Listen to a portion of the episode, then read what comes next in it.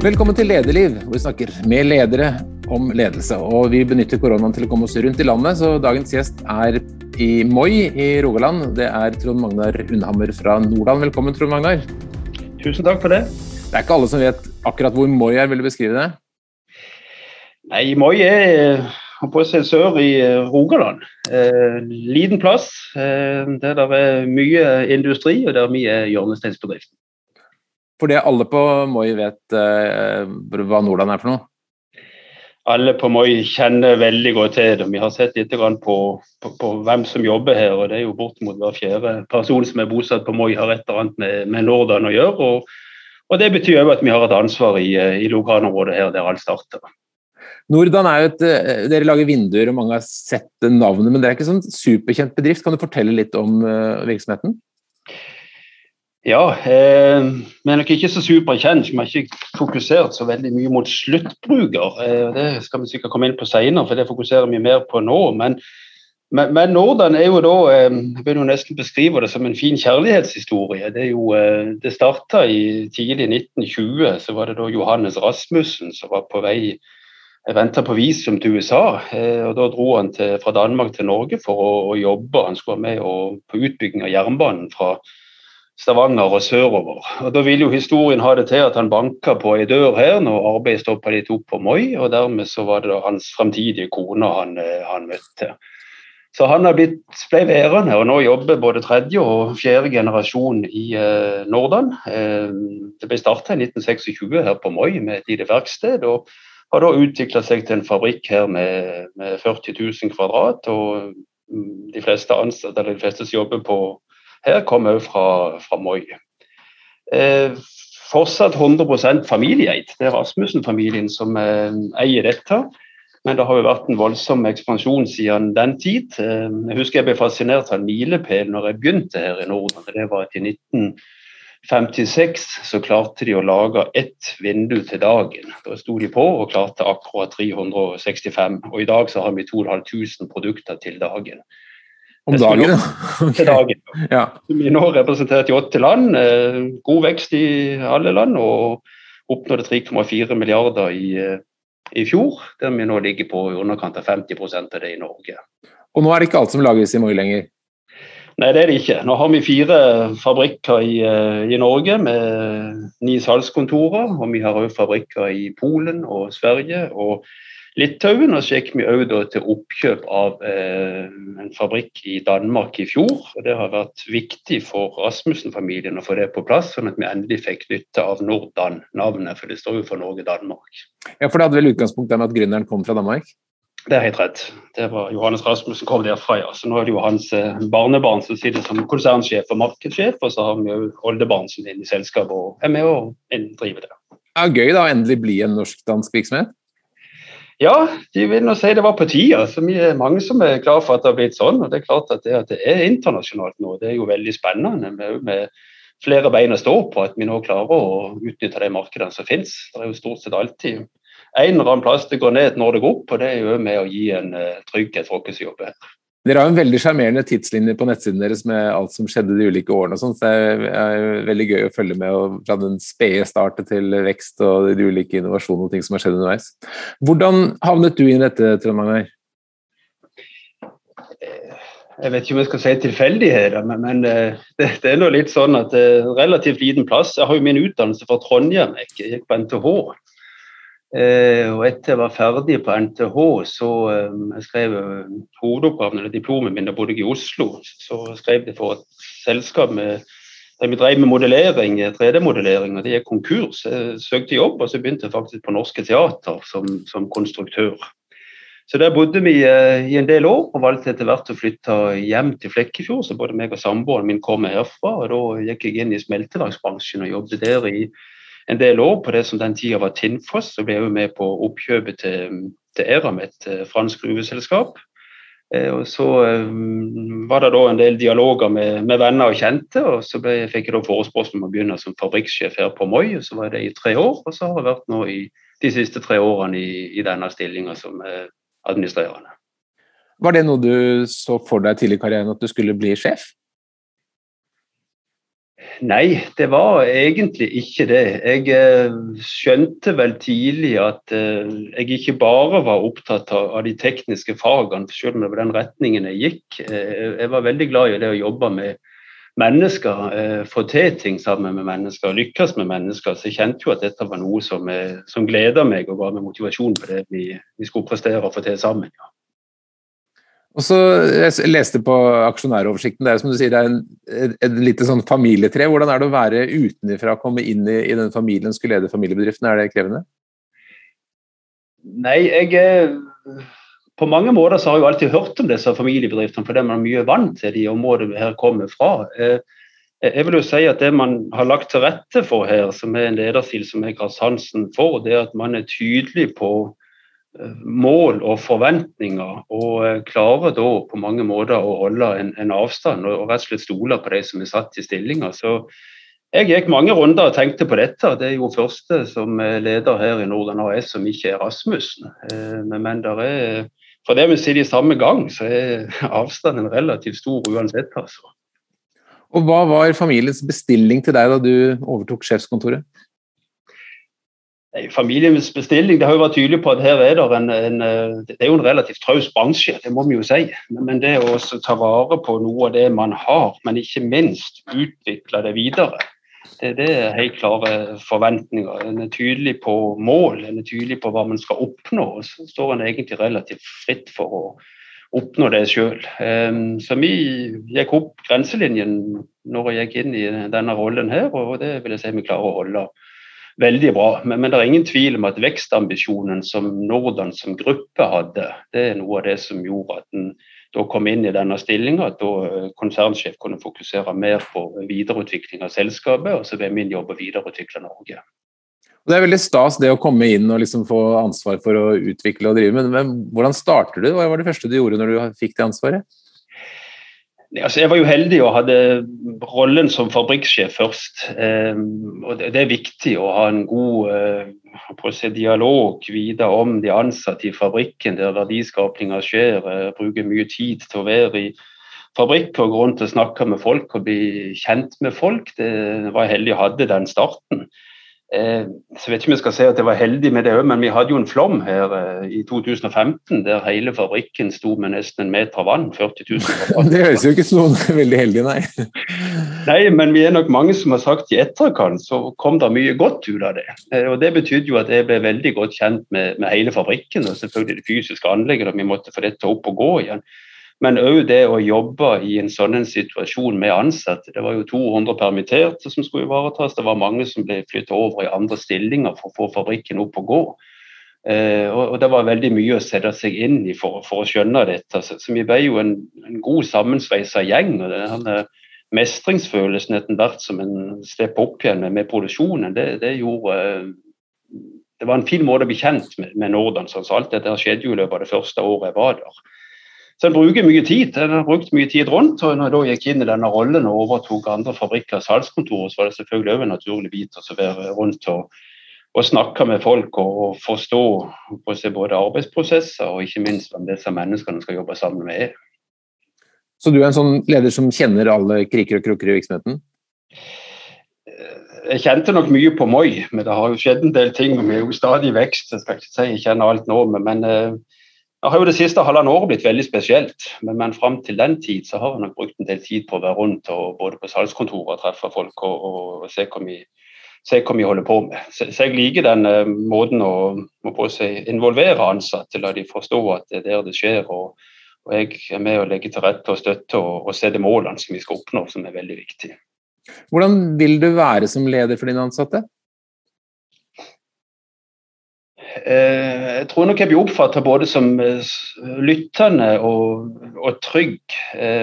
Dette med delegering er nok en tydelig måte jeg eh, velger å lede på, og dermed òg involvere de ansatte. Så dette å få ting til å virke sammen i organisasjonen, det, det syns jeg gir, det gir en god mening jeg er veldig opptatt av det å bygge team. Her skal vi ha flere folk sammen. Vi skal ha, ha både kjønn og kompetanse og, og, mangfold, og ikke minst personlighet. Det er det som, det er det som skal til for å, for å lykkes godt. Um, jeg er jo ja, jeg er veldig rolig, vil, vil jeg tro. Lite bekymra natur, og det er jeg nok veldig glad for i enkelte sammenhenger. Er jo sindige sørlendinger her, så det kan sikkert bli litt for bedagelig, men, jeg nok, har nok en positiv og, og, og bestemt lederstil. Jeg er opptatt av at vi skal ha det greit på jobb. Vi bruker tross alt mye tid på dette her. og Da uh, har vi en positiv holdning med god humor rundt oss, så er det lettere å prestere. Det høres veldig sånn hyggelig ut? Ja, det er, det er jo det. Jeg, jeg, eh, det er klart at Vi legger ikke skjul på at nå er tiden bra, og da er det mye lettere å drive. Jeg er veldig bevisst på som leder, eh, en av de lederne som tror på dette med virkelig å ha en visjon og et mål, strategi og verdier. Eh, jeg ønsker at når du kommer inn i en organisasjon og vi har verdier som vi snakker om, så, skal vi kjenne det igjen på organisasjonen. Og Hvilke verdier er det som skal prege Nordland? Eh, ærlighet står høyt, resultatorientert, handlekraftig og menneskefokusert.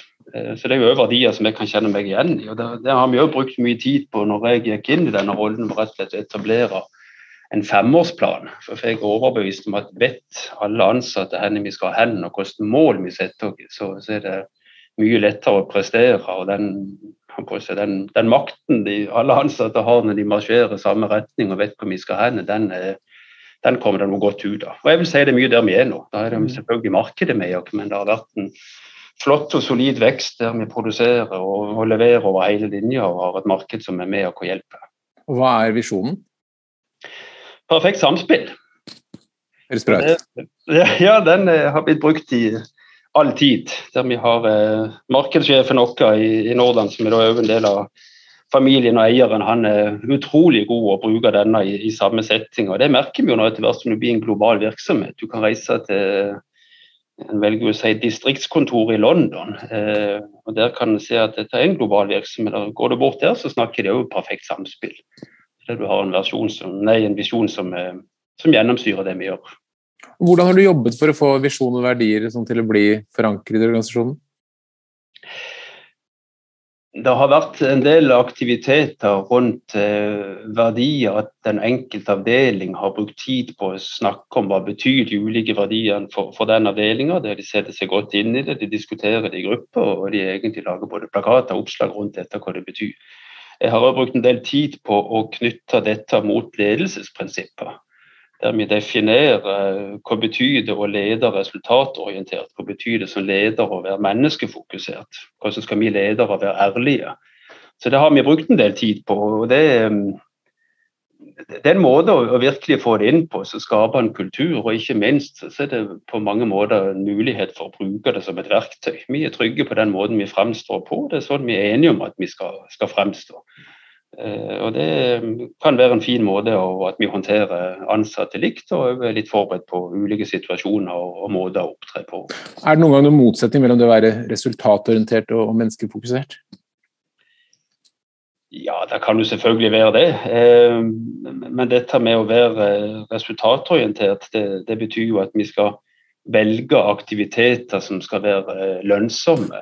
Eh, det betyr òg at vi skal ha fokusere på, på, kvalitet og prosesser og resultater. Men samtidig så skal vi jo da ha de ansatte med. De skal både bli sett og hørt. Eh, og Det er jo det som ligger i dette med å være menneskefokusert. Men, men eh, jeg er nok en overbevisning at er du tydelig på dette, så vil du òg ha en forståelse at det blir tatt en beslutning. Alle ansatte forstår både ja og nei. Poenget er å ta en beslutning, og det er jo en måte å være menneskefokusert på. Men slike visjoner og verdier som betyr så veldig mye når du er leder eller selger eller er liksom en, en, autonom person som er ute. Men Hvis du står på et eh, samlebånd og monterer vinduer, har det, har det, mye å si om man er opptatt av eller kjenner virksomhetens strategi, visjon og verdier? Det har nok en betydning av at man skal forstå og, og, og trives i den organisasjonen vi er. Men, men jeg, jeg, er ikke der at jeg tror at alle ansatte står og tenker på det når de står på samlebåndet i, i en hektisk hverdag på rundt verdiene. Men det er nok en måte om eh, Skal vi rekruttere folk, eh, skal vi utvikle oss videre, så, så har de ansatte en forståelse av hvordan vi jobber. Vi kan følge det opp med trivselsundersøkelser og se om, det, om vi treffer på, det vi skal. Og, og, og det, det, er nok en viktig måte å forstå det på. Det, det er klart at her i, i, i Norden så merker nok jeg en overgang på at man er vant til at ikke alltid tidene er gode. Eh, og Da er det viktig å ha en, en grunnleggende forståelse av henne med. Det kan være man blir permittert, det kan være at det vil være dårligere tider med dårligere lønnsomhet og mindre investeringer. og Da tror jeg har vi en, forståelse rundt dette og mennesker en god dialog, så er det lettere å, å få gjennom det som man ønsker å, få gjennom. Vi har jo vi, ja, vi, ligger vel kanskje på 150 ledere så langt i lederlivet. Så jeg tror faktisk vi er første fra, fra byggevarebransjen. Hva er det som preger den sektoren?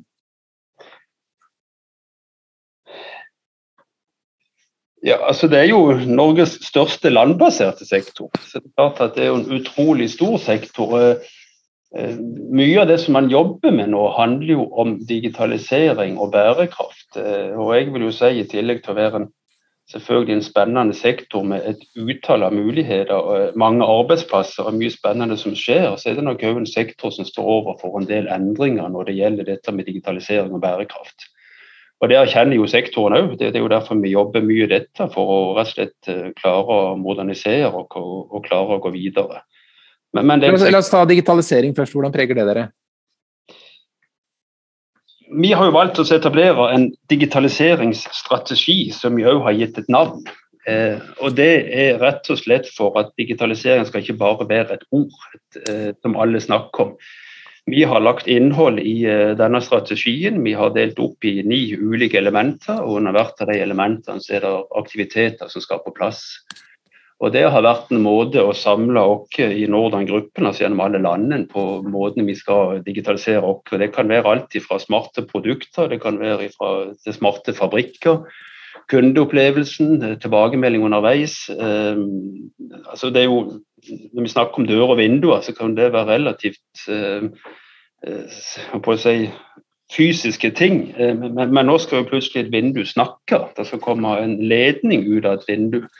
Døren skal du åpne med, med telefonen din, og alt dette skal være connecta i et smart hjem. Eh, og, og, det er jo en fantastisk mulighet som, som vi nå griper og, og jobber med. Og, og, da er det da er vi innenfor andre kompetanseområder, du er innenfor en spennende utvikling. og når vi da snakker om 60 års levetid på produktene, så er det klart at det blir endra når de da er smarte. Så det, er store endringer som skjer eh, både i bransjen og med produktene som vi nå jobber med. Krevende å se for seg hvordan et vindu skal snakke med en digital løsning om 60 år? Ja, det må være rom for å gjøre oppdateringer der òg, uten å rive ned både foringer, listverk og vegger. ja. Men hva med selve produksjonen, blir den også mer robotisert og automatisert? Produksjonen jobber vi òg med ja, for å modifisere. modifisere. Det er klart at Vi er jo et høykostland sammenlignet med andre plasser vi produserer. Så, jeg vil påstå at vi er relativt langt framme med, med dette automatisering i fabrikker. Altså Vi uh, kjører nå en del tester med kobolt som kan samarbeide med, med, mennesker. Vi ser på hvordan vi kan få effektiv flyt av informasjon. Uh, tidligere var det arbeidspapirer som ble gitt til en person som syklet rundt i fabrikken, og nå finnes det ikke ett papir i fabrikken og alt på skjermer der en melder status gjennom hele produksjonen og, følger det opp. Eh, automatiserte ordresystemer der en legger inn en ordre og det flyter hele veien gjennom til det blir initiert bestillinger og, og, produksjonen og generert eh, online-filer til maskiner. Så det er mye effektivisering som òg er spennende, men det er òg et område vi satser inn for å få kompetanse på plass og bli enda bedre. Betyr eh, automatisering og flere maskiner i produksjonen at det, at det, er lettere å holde produksjon i Norge i forhold til lavkostland? Ja, det, det, gjør egentlig det. Eh, det er klart at Kjøper du maskiner, så kjøper du gjerne det fra, fra samme leverandører. og Da blir de da skipa til de landene de, de, skal være. og Det betyr at det er lettere for oss å holde. Det å være i forkant på sånne ting vil jo være et fortrinn vi har når vi allerede har etablert det. Men Har det, Er det vært et diskusjonstema for dere om dere i det hele tatt skal lage vinduer i Norge, eller om vi skal ta alt til Polen eller Kina et annet sted? Det har vært et veldig godt diskusjonstema der konklusjonen er enkel. Her starta det på Moi, og her skal vi fortsette. Så her er det både vilje fra styret og fra eiere til å holde produksjonen her. Og da er det jo veldig gøy å se at vi, vi lykkes med det òg. Så produksjonen i Norge er virkelig konkurransedyktig og lønnsomt. Og så bærekraft. Hvordan påvirker det dere? Bærekraft har gjerne et kundefokus og en forventning. Eh, hva gjør vi for å skape bærekraftige produkter? Hva gjør vi i det store bildet som gjør at man f.eks. kan spare energi? dette med å ha fokus på uh, energi i en bolig, det, det, ser vi jo alle blir mer og mer aktuelt. Uh, bærekraftige produkter. Vi er opptatt av hvordan utslipp man skal ha fra fabrikker, hvordan CO2-footprint vi har. Vi er opptatt av hvordan transporten skal være, og det er jo klart at det er ting som vi blir utfordra på, der det meste av varer blir importert og de må jo fraktes ut fra fabrikkene igjen. Så der jobber vi òg med hvordan vi kan bli bli bedre og gjøre det fornuftig. Så vi, vi, jobber mye med hvordan måten vi skal fremstå. Vi skal kjøre bærekraftige trevarer. Vi skal ha produkter som også kan resirkulere. Så er det mye spennende på gang med store, store entreprenører om hvordan vi kan eh, håndtere avfallet etter man eh, velger å bytte ut dør og vinduer. Hvordan involvering vi skal ha der. Mm. Hvor mye betyr døren og vinduet i et hus på, sånn, i forhold til energi? Man sier jo i en bolig, så er det jo, eh, eller i boligmassen så er det rundt 40% av all energi som blir brukt i Norge, går til oppvarming av bygg og, bygg og boliger. Så det er klart at det å ha eh, gamle vinduer, det å ha gamle dører, det har en, det har en stor betydning for eh, både på støy, men ikke minst på energi. Så Vi har jo valgt å lansere en kalkulator som ligger på, på hjemmesida, som flere andre har gjort, der man kan rett og slett beregne hvor mye sparer du i i kroner og øre med en gitt kilowattimepris for å erstatte produktene, og hvor mye vil det bety redusert CO2-utslipp. Mm. Og så er det vel trender og tendenser i din gruppe i ditt marked som alle andre. Hva er, liksom, hva er vindustrendene for tiden? Ja, jeg, jeg, jeg, jeg, tok veldig enkelt på det da jeg begynte. her, for jeg tenkte hvor, hvor, vanskelig kan det være? Et vindu er jo fire pinner og litt glass. og Det, har ja. det er det definitivt ikke. Her er det design og her er det mote, og Nå er det mye som skal gå mot eh, svart, altså det som vi kaller for blackline-versjoner her, som er, som er, nytt. Når det er det kunden skal ha. Det skal være smalere og smalere med, med funkis-stil. Eh, det er ingen tvil om at det er trender som går mye mer mot denne energifokuset. Og òg at det skal være smart. Det, det er jo noe som, eh, som kunder nå etterspør. og glass med ulike egenskaper? Glass med ulike egenskaper det er jo en hel vitenskap bare for å skjønne det, som ligger i det. Men der er det òg mye spennende som skjer. på mye kan se deg inn i et vindu med elektrokromatiske glass og blende seg sjøl osv. Så, videre. så, det, så det, er, det, er, det er et eget fag i seg sjøl, bare det. Men de dere konkurrerer med, der markedet, er det andre norske aktører, eller er det internasjonale giganter her? Det er andre norske aktører og òg eh, større internasjonale firmaer som òg er etablert i Norge. ja. Men vi er jo markedsdeler sånn sett, men, men det er, er, er, konkurranse i Norge òg, ja, definitivt. Og hva er det som eh, holdt å si, holder deg våken om natten? Hva grubler du mest på i den jobben? Nei, altså jeg, eh, jeg er nok den som velger å se litt framover. For, for, nå, har vi det, nå har vi det bra. Det går bra. Det, det, funker. Vi har en organisasjon som er bra, vi har produkter som er bra, vi leverer god kvalitet. Så det er mer denne hvor hva skjer rundt neste sving? Så denne eksportmuligheten er nok noe som, som vi må jobbe en del med videre. Uh, utfordringer vi har og som vi blir preget av, og som ikke er over, det er jo dette som går på valuta. Nå vil jo den være gunstig for oss i forhold til eksport, men, men verre på import av råvarer. Rente vil jo selvfølgelig bety noe som skjer i, i boligmarkedet i Norge. Tilgang på råvarer, det hører vi jo en del og leser en del om. Og når det er både utfordringer på tre og glass og plast og andre ting. Og så er det òg tilgang på ressurser. Men jeg, eh, jeg, er opptatt av at vi må få eh, nok bein å stå på, for de ulike markedene vil svinge. Men at det holder med våge, det, det gjør det ikke. Men det, det, er med å nok tenke mer strategi og retning videre når vi legger planene mot, eh, videre mot 2025. Men er det faktisk mulig å eksportere vinduer fra Norge til resten av verden? Ja, det er, vi eksporterer nå i dag noe til Storbritannia og noe til Irland. Eh, vi har faktisk òg noe til Kina, der en fokuserer på norsk kvalitet og tre for de som har eh, god råd i Kina. For det er klart at det er jo en lang prosess å få det der til. Men, men, eh, men ja, de, folkens er jo de store eksportmarkedene er jo Sverige og, og Storbritannia og Irland. Men etter hva jeg vet, så er det liksom forskjellig Det er ikke de samme typen vinduer og byggestil man har i ulike land, eller, eller er det i ferd med å bli likere? Nei, det er, er, ulik form og farge og krav på det òg. Så det er litt begrensa hvilke områder man kan eksportere til. Så det er liksom ikke fritt fram, for det er andre krav. Og når vi nå har gått inn i Danmark og gjort ting som vi trodde var relativt likt som Norge, så ser vi at der er det òg en del tilpasninger som må bli gjort på produktene for å få det inn. Og Hva med ledelse av folk i andre markeder? Hvordan, hvordan, er, det, er dere like, eller opplever dere at det er forskjeller? Klarer folk å ta til seg visjon og verdier og lederstil fra, fra dere i Moi? Ja, altså Det er jo uh, ingen tvil om at det er forskjellige kulturer i forskjellige land. Det, kjenner vi jo alle til. Uh, og Det betyr jo at han må jobbe mye med å, å framstå på lik, lik, måte i alle landene. Vi har på mange måter etablert felles systemer når det gjelder forbedringer og forbedringsfilosofi. og Når det gjelder Lean, så, så er det måter å jobbe på der man etablerer teamstruktur, man etablerer teamtavle, Man etablerer møter for å få med de ansatte der man har mulighet for å håndtere det likt. Men, men, men kultur er absolutt uh, forskjellige rundt om i Norden, der en ja, har for så vidt en felles uh, styre styreleder som, som, er involvert i de fleste selskaper, som på mange måter er med å bygge den overordna strukturen. Og så har vi da produksjonssystemer som skal involvere de ansatte på, på relativt lik linje. Men, det er, der er forskjell, det er jo bare å erkjenne. Mm. Hvordan har eh, koronaen påvirket eh, dere? Altså, var vi inne på dette med det store bildet, så jeg vil jo si på mange måter så har vi vært veldig heldige på lik linje som resten av bransjen. Vi har klart oss veldig godt. Eh, og Det betyr både at vi har hatt full drift og, god lønnsomhet og rekorder gjennom 2020.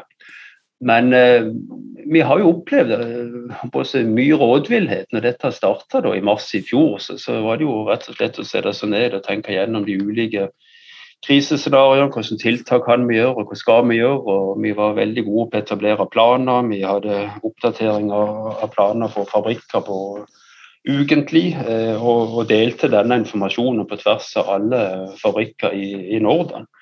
Men, men eh, måten vi har håndtert det på, syns jeg har vært eh, bra. Jeg tror vi skal si sånn Fra et ledelsesperspektiv så er det ingen tvil om at det vi har erfart, er jo at ulike personer trenger ulik oppfølging.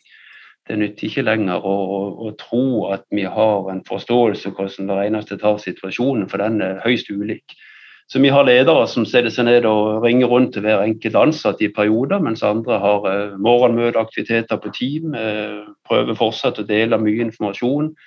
Eh, men eh, vi har lært at dette er en måte som det går an å fungere på.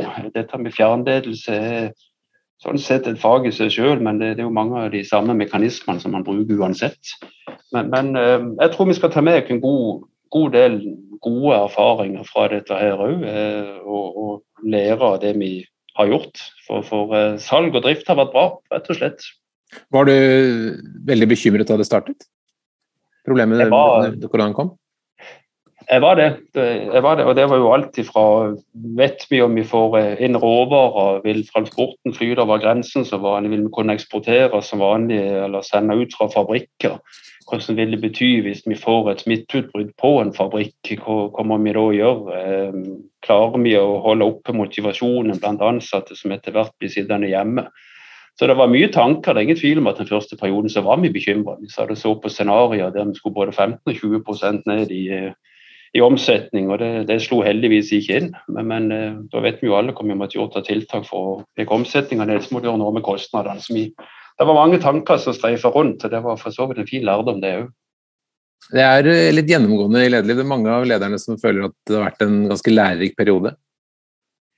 Ja, og det forstår jeg, for det er jo helt utenom eh, det vanlige. Vi har aldri opplevd noe lignende som dette her før. og Det å klare å håndtere og komme seg gjennom det, det, det har vært eh, ting, og virkelig ting, som har vekka litt tanker hvordan vi nå jobber videre.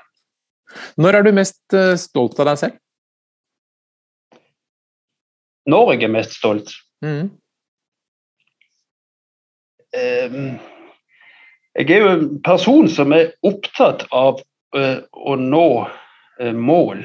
Um, jeg setter relativt strenge krav til meg sjøl å og, klarer å oppnå de målene vi har satt, og er ambisiøse i forhold til det. Men, men, det å klare å oppnå mål sammen, det er nå kanskje det jeg er mest stolt av. Det er flere eksempler på at man gjennom involvering klarer å sette noen heftige mål. og Når de da er oppnådd, og alle i teamet sitter og smiler, da kjenner jeg en stor glede. altså. Kan du dele en sånn historie med oss?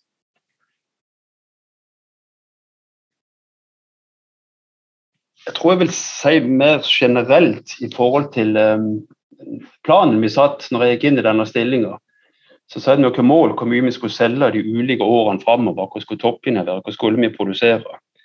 Og det er klart at Vi brukte mye tid for å jobbe sammen dette i, eh, i ledergruppa. Eh, hvordan det skulle til. Eh, og det er ingen tvil om at de målene som vi begynte å jobbe med, var veldig ambisiøse.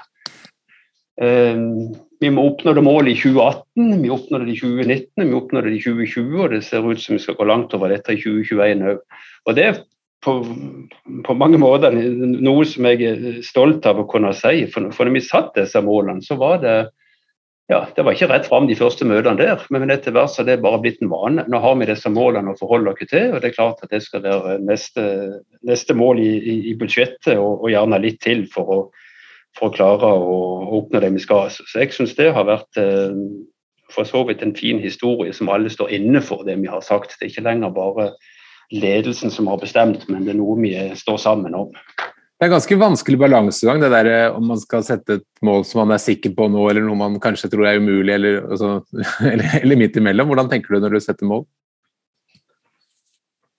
Eh, det, det, skal jo være realistisk, eh, absolutt. Samtidig så tror jeg at setter man mål, så tror man også skal være bevisst på at man, man har noen forutsetninger for målene man har satt.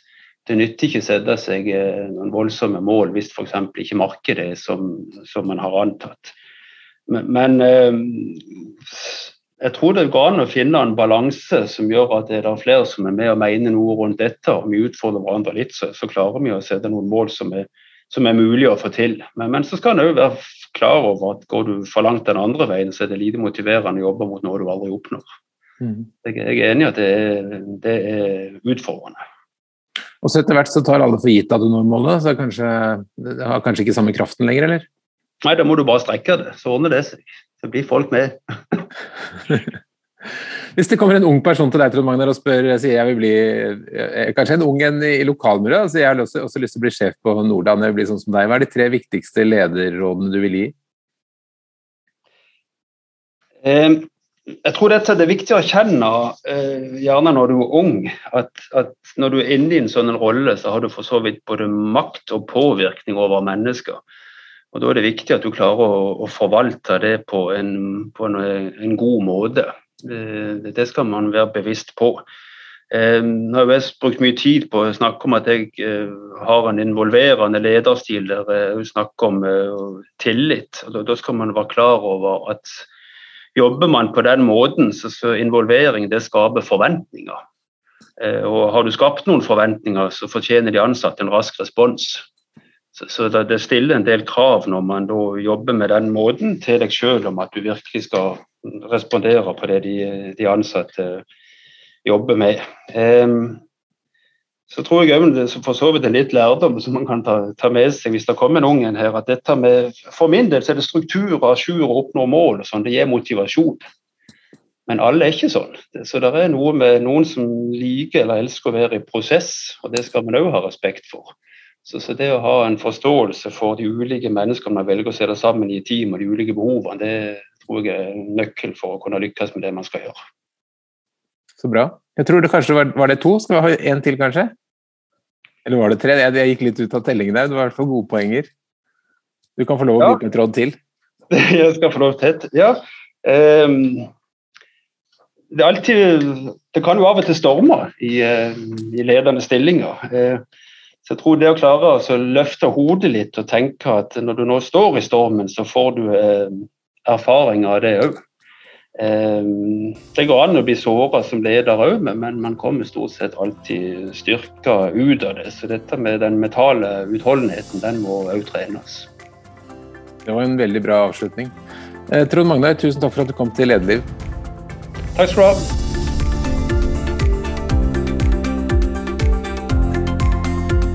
Lederliv er en podkast fra Apeland. Redaksjonen består av Ellen Paulsen, Lars Jarle Melum, Lars Volden og meg, som heter Ole Kristian Apeland. Hvis du vil høre mer, så trykk abonner. Da får du varsel når det kommer nye episoder. Og hvis du har noen tips, så send en e-post til tips at eller til meg, ole at apeland.no. Takk for at du lytter.